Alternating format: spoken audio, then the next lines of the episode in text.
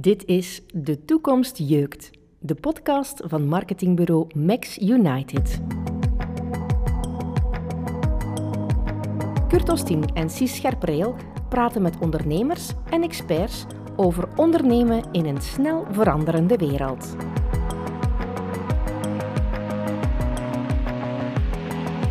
Voor deze aflevering ging Sis skypen met Damien Poelhekke, de man die ruim zes jaar mee aan het roer stond bij Made.com. Ze hebben het over de kleine prins, wowing the customer en een verrassend jeukende toekomst. Er is meer in de wereld dan alleen maar geld verschuiven van één rijke partij naar de andere. En uh, ik wil meer impact hebben op wat, wat ik doe en uh, op mijn omgeving. Welkom Damien Poelhekke op onze podcast De Toekomst Jeugd. Je bent uh, managing director van Made.com. Ehm, mag ik jou een, een, ondernemer noemen binnen dat Made.com verhaal? Ja, nee, nee zeker. Dat, uh, ik denk zeker als je kijkt naar wat we de um, afgelopen jaren hebben gedaan, dat het een goede omschrijving zal zijn van uh, wat we hebben bereikt, waar we naartoe willen en de activiteiten die daarbij passen.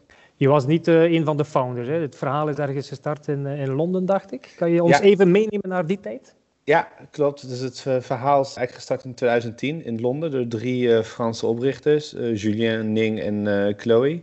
En het idee was eigenlijk geboren bij, bij Ning, waar hij op dat moment in een fase zat dat hij net een nieuw huis had gekocht. hij zocht wat meubilair, design voor in zijn huis en hij was eigenlijk het ja, het, het, het laagsegment ontgroeid en uh, wilde graag wat, wat meer design in zijn huis. Maar dat was veelal toch iets te onbetaalbaar voor hem. En uh, daartussen was eigenlijk niet zo heel veel. En daar zag hij mogelijkheden, een gat, die uh, hij eigenlijk met het idee met Mee.com en samen met van twee andere oprichters is begonnen. En zo is Made eigenlijk ontstaan. Dus echt het middensegment waar eigenlijk design betaalbaarder maken voor mensen, voor klanten. Vonden ze hun ding niet bij IKEA bijvoorbeeld? Dat, uh, dat, dat, was het laatste moment dat ik probeerde te, te vermijden door de, de blauwe reus te noemen. Maar klopt, uh, dus ik denk een stukje hogere kwaliteit dan IKEA, maar wel zoveel mogelijk in de buurt komen van, van dat prijssegment. En net een stapje hoger daar.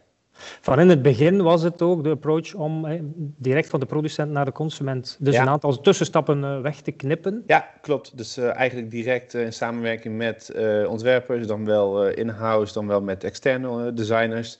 En dan het laten produceren met suppliers die we eigenlijk over de hele wereld hebben. En vanuit daar direct verschepen en leveren bij de klant. Dus eigenlijk al tussenstukken die normaal zijn in het proces, die weghalen, waardoor je veel sneller uh, de product kan leveren en uh, vaak ook competitiever kan zijn qua prijs en het toegankelijker maken voor de consument. Er zijn natuurlijk een aantal rationele factoren die daar het, uh, het voordeel uitmaken is. Um, die directe consumer situatie. Maar ik lees ook heel veel dingen zoals belevenis, verwonderen, verhalen samen mm -hmm. vertellen, inspireren. Dat zijn allemaal ja, waarden die, die eerder in de emotionele kant liggen.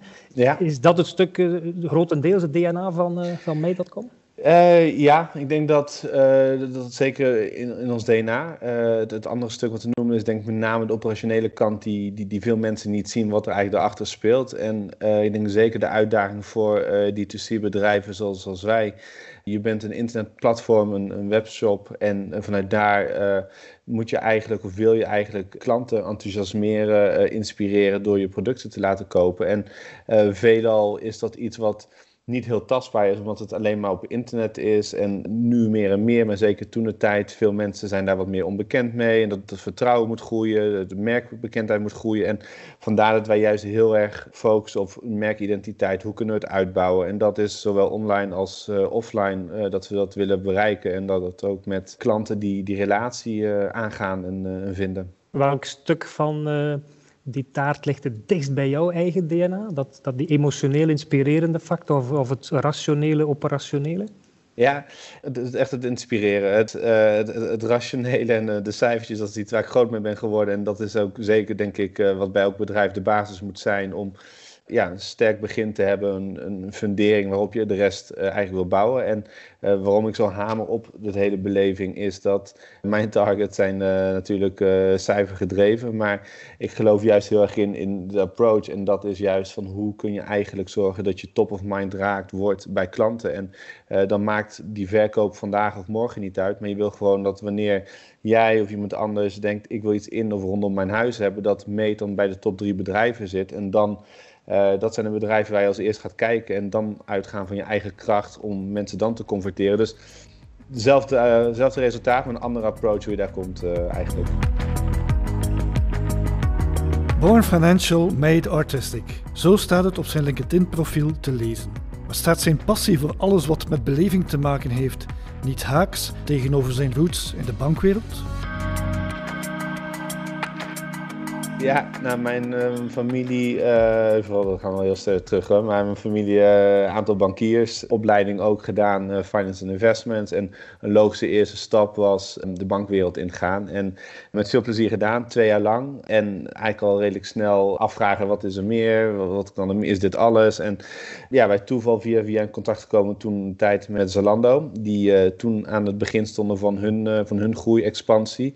En ja, eigenlijk heel erg enthousiast geraakt door hun verhaal eh, de mogelijkheden daarin en hun in uh, Berlijn gejoind. En uh, daar met name voor België ook verantwoordelijk geweest. En ja, een explosieve groei meegemaakt en gezien wat ja, daarna weer bij Meet op een, op een ander niveau kunnen halen. En dus ja, daar langzaamaan van de cijfertjes meer naar het creatieve, naar het merk toe zijn gegroeid. Maar juist wel, wat ik net al eerder zei, van het geloof in de combinatie van beide. U noemt Berlijn, Amsterdam. Vorige week zat je in Madrid. Daar heb ik heel uh, leuke foto's zien, uh, zien langskomen, ook op social media. Ja. Uh, je hebt een MBA gehaald in, in Beijing, klopt dat? een masters. Of... Ik heb daar mijn uitwisseling gedaan. Oké, ja. je bent een jongen van de wereld, denk ik dan? Stilzitten is niet aan jou besteed? Nee, nee, nee. Dus ondanks, rij je niet met de auto of je maakt altijd gebruik van het openbaar vervoer? Ik was heel benieuwd hoe dat, dat al in elkaar zit, ja, of dat allemaal wel lukt. Het, het, was geen luiheid waarom ik niet uh, bij jou in de studio zit. Nee, het, uh, ja, ik hou erg van reizen. Eigenlijk van um, het, het, ontdekken, het, de avonturen. En ja, een van mijn favoriete boeken sinds kinds af aan is Le Petit Prince, De Kleine Prins. En ja, die eigenlijk zijn leven, waar hij planeet, waar hij mensen ont, ontmoet, ontdekt. Dat is iets wat ik zelf ook probeer te, te kopiëren, zeg maar. Dus ik hou erg van uh, nieuwe plekken, nieuwe mensen, nieuwe avonturen aangaan. En ja, de plekken waar ik heb gewoond, dat is zo gekomen doordat de, de mogelijkheid, de opportunity daar was. Uh, gaandeweg hele goede vrienden, goede relaties gehad. En dat was heerlijk. En het geeft een soort van vrijheid. En ja, dan nu eindelijk een huis gekocht in Amsterdam, wat dan meer als thuis voelt. En de reden waarom ik geen auto heb, is ja, ik heb het eigenlijk niet, uh, niet nodig dagelijks. Dus ik vind het heerlijk om uh, ja, op andere manieren, de fiets uh, bijvoorbeeld, onderweg te zijn. En waar nodig kan ik het lenen van vrienden of zijn andere manieren om van A naar B te komen. Super. Heeft corona, we moeten er even over hebben natuurlijk. Ja. De lockdown dan uh, heel specifiek, heeft dat een impact gehad op, uh, op jouw functioneren, of het functioneren van Meid uh, enerzijds, en op jouw functioneren als onrustige kerel? Ja, nou, uiteindelijk ja. Ik denk met name op goede manieren. Dus ik denk vanaf het begin, wij waren een van de eerste die het kantoor dichtgooide, de showroom dichtgooide, ondanks dat dat niet hoefde van de Nederlandse overheid. Dus dan heb ik echt specifiek over het kantoor hier in, in Amsterdam en Berlijn eigenlijk hetzelfde gedaan.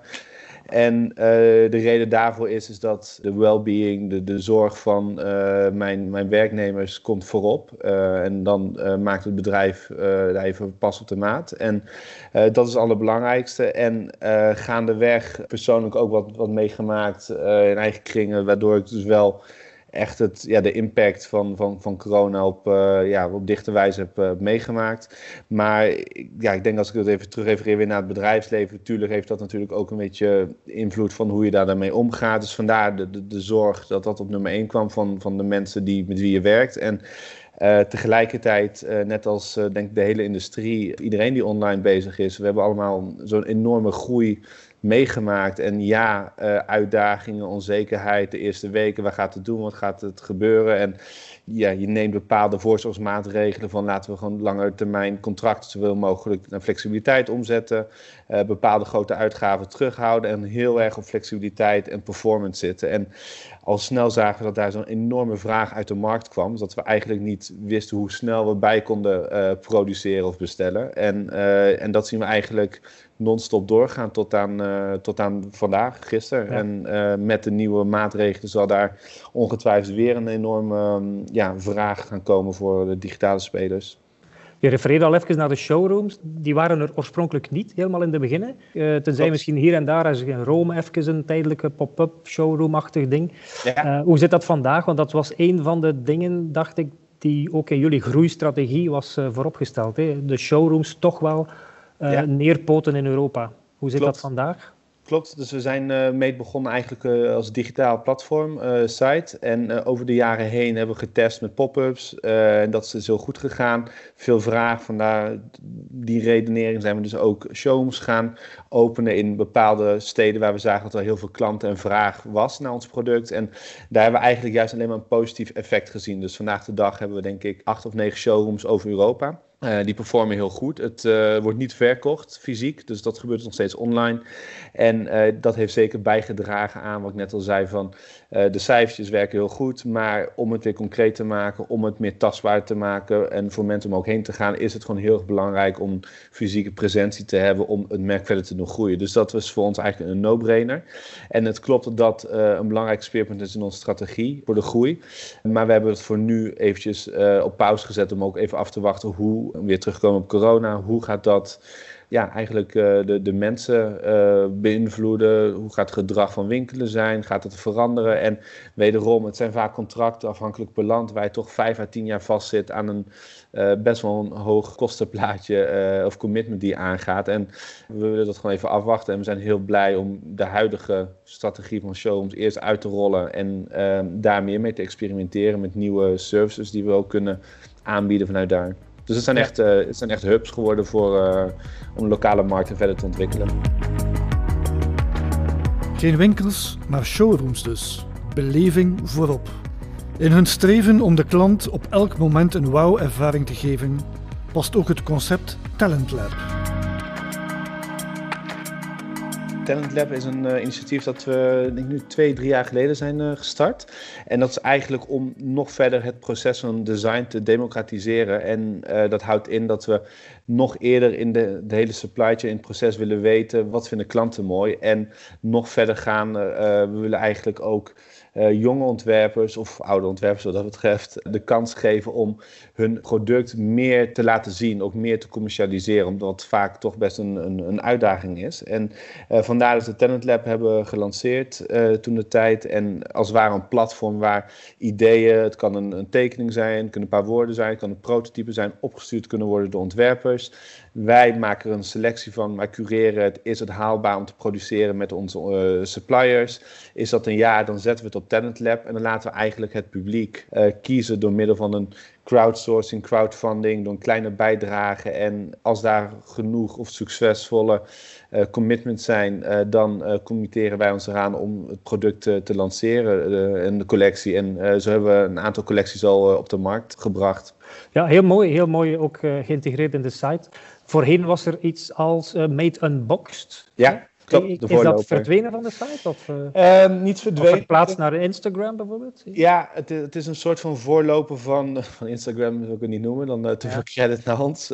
nee, het is iets waar we eigenlijk al gaandeweg in het begin um, al snel het idee waren van, nou, we, wat mooi is, is heel subjectief. Maar we hebben veel klanten, ze kopen producten bij ons aannemelijk omdat ze bepaalde designs of collecties mooi vinden. En wij willen ook graag weten hoe, hoe staan onze producten bij mensen thuis? Hoe zien mensen hun huizen eruit? En vandaar dat Unbox toen, dat is nu alweer, het zal zo'n vijf, zes jaar geleden zijn, gelanceerd is met het idee van uh, je huis te delen, uh, met foto's met meetproducten erin, met de rest van uh, onze made community. En, en dat is toen gebeurd en hebben we veel, veel reactie, veel foto's gekregen. En dat hebben we dan weer terug op de website gebruikt. En uh, voor ons was dat heel waardevol, want wij kregen inzicht van hoe leven onze klanten in verschillende landen. Uh, waardoor onze design en buying teams ook rekening konden houden met toekomstige trends, met nieuwe producten of collecties die we willen ontwikkelen. Dus heel, heel belangrijk en heel waardevol. En tegelijkertijd, weer terug naar de cijfertjes, als marketing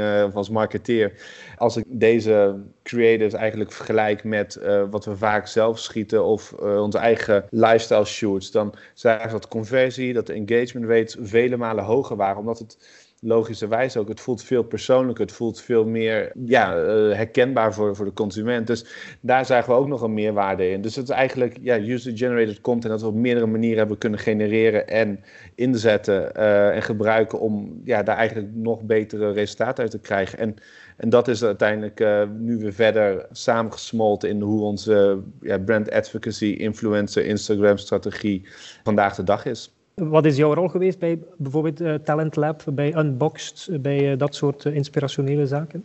Ja, het zijn eigenlijk allerlei ontwikkelingen, technologieën, projecten die we globaal lanceren. Dus, dus, dus mijn rol is met name het, het, het uitvoeren, het, het lanceren lokaal in de markt waar ik verantwoordelijk voor ben en het supporten van het internationale aspect, omdat eigenlijk door nauwe samenwerking eigenlijk te versterken. En dat gebeurt cross departments, verschillende afdelingen, maar met name zorgen dat het, uh, net als het meetmerk, producten, dat dat gewoon onder de aandacht wordt gebracht en hoe onze strategie uitgerold wordt.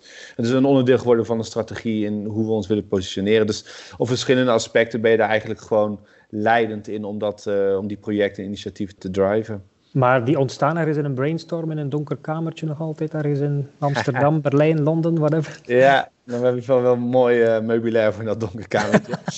ja, dat, dat, dat komt eigenlijk, uh, of dat, dat, komt met name uit, uh, je hebt verschillende teams in, in Londen waar we dan samen zitten te, te denken. dus ik, ik, kan niet expliciet zeggen wiens idee het is, maar het is vaak gewoon van wat zien we terugkomen in andere industrieën, wat zien we terugkomen in onze eigen industrie, wat zijn voorbeelden en, en daar kijken we ook goed naar en hoe kunnen we daar onze eigen draai aan geven. En, soms zijn het ook ideeën die gewoon vanuit de tekentafel komen. Dus ja, ik verschijnen manieren om uh, tot, tot zulke inzichten te komen. Het valt ons op dat Damien nog steeds praat alsof hij nog deel uitmaakt van het Made-team. Enkele dagen voor dit gesprek verliet hij Made. Op zoek naar iets nieuws? Nieuwe uitdagingen? Klopt inderdaad, vorige week, uh, dat was mijn laatste week bij Made. Dus per 1 oktober ben ik officieel niet meer actief in dienst uh, bij Meet. En uh, de reden is, uh, ja, na, na, na, zes jaar heel veel liefde, heel veel plezier. het merk doen groeien in verschillende markten. En ook gelanceerd en team gebouwd, kantoor, showrooms geopend. Wat elk jaar eigenlijk een nieuwe uitdaging, ervaring en ja, ook heel rewarding was. Dus dat was zeker geen makkelijk afscheid om ja, eigenlijk als wat je mede hebt helpen op te bouwen, dat je dat, dat de rug toekeert. Uh, en zoals ik al zei, het is een, een, mix van factoren waar ik denk afgelopen maanden, dus uh, corona, uh, heeft ons ook meer door inzien of denken van hoe willen we ons positioneren voor de toekomst. We zien dit juist als een acceleratie van het bewijs dat digitaal, en zeker in onze industrie, nu echt sneller is toegenomen. Dus hoe kunnen we er nog sneller van profiteren? En vandaar om de focus nog beter te hebben en nog meer te positioneren voor de toekomst, we hebben besloten om meer te centraliseren en eigenlijk de, de marketing, commerciële teams en de digitale teams echt vanuit Londen in, op een verschillende opzet eigenlijk uh, neer te zetten. Waarbij we eigenlijk lokaal alleen uh, de klantenteams houden, dus customer service, de showrooms en de, de brandteams waar met name PR, brand advocacy en het contentgedeelte ligt. En het commerciële brengen we terug naar, naar Londen. En dat is waar ik uh, in, goed overleg voor mij een mooi moment was om, uh, om eruit te stappen. En uh, dat weer samenkomen met het feit dat ja, ik, ik heel erg van, wat we aan het begin al zeiden, van nieuwe avonturen, projecten hou. En dat dat nu een, een heel mooi moment was om, om, om, daarvoor te gaan. En vandaar dat ik besloten heb om mee te verlaten. En de tijd te nemen om even na te denken wat wil ik gaan doen. En, uh, er ligt nog niks concreet uh, op de plank? Of, uh? Nee, nee, nee. Ik, het is echt een compleet, ik denk, goed, de situatie waar ik nu in zit, dat is denk ik redelijk uniek om mee te maken in je leven. En ja, dat ik het nu ook kan meemaken, geeft me ook de tijd om een soort van reflectie, zelfreflectie. En er zijn verschillende ideeën waar ik aan zit te kijken. Het kan weer een hele andere industrie zijn. Een hele interessante uh, start-up skill joinen, maar tegelijkertijd ook kijken wat wat zijn de mogelijkheden om zelf iets te gaan doen. Dus verschillende dromen en tegelijkertijd, ik had graag willen reizen, maar dat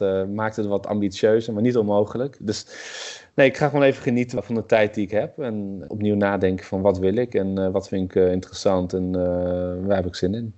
Iets meer dan zes jaar meet op de teller, twee jaar Zalando. Hoe heeft die ervaring de mens, uh, Damien Poelhekken, veranderd? Of de denk, ondernemer? Ja, nou, ik denk dat echt ondernemen moet nog, nog gebeuren. Het mij is de mogelijkheden gegeven om te ondernemen binnen eh, hele interessante organisaties.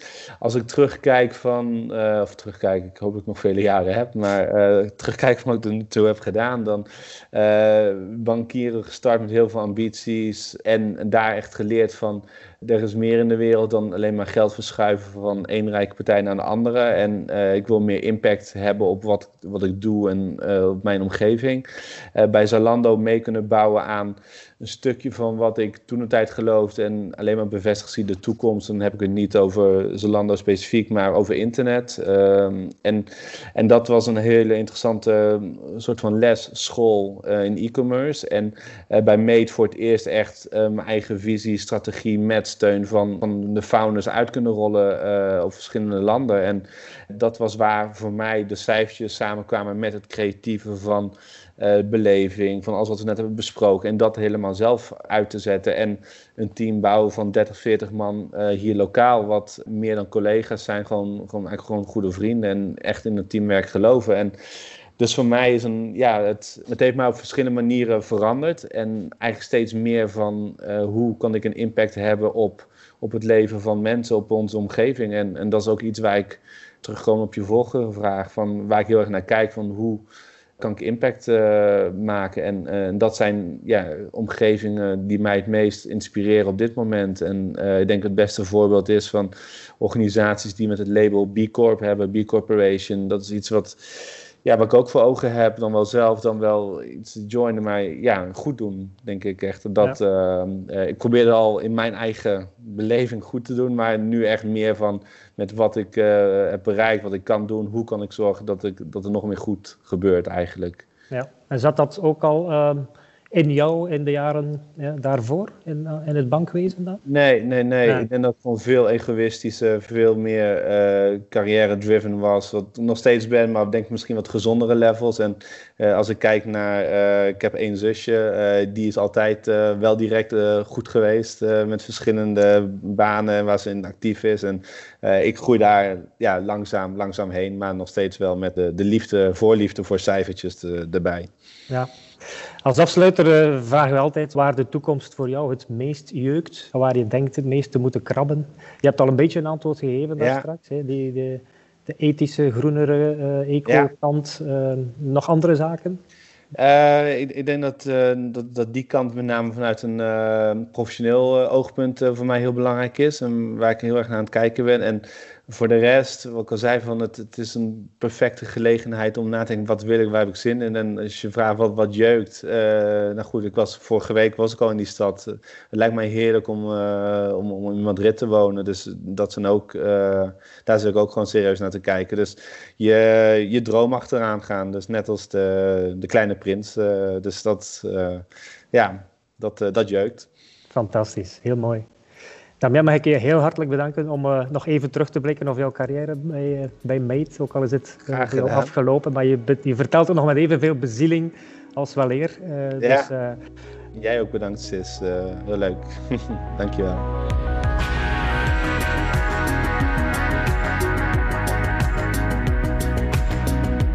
Mate laat ratio met emoties samenvloeien en in dat spel heeft Damien nieuwe persoonlijke waarden ontdekt. Ook in de strategische oefeningen en in de zoektocht naar een oneerlijk voordeel bij onze klanten gaat het vaak om slimme synergie tussen rationele en emotionele troeven. Benieuwd hoe we dit voor jouw merk of bedrijf kunnen uittekenen? Boek dan een klankbordsessie op maxunited.be.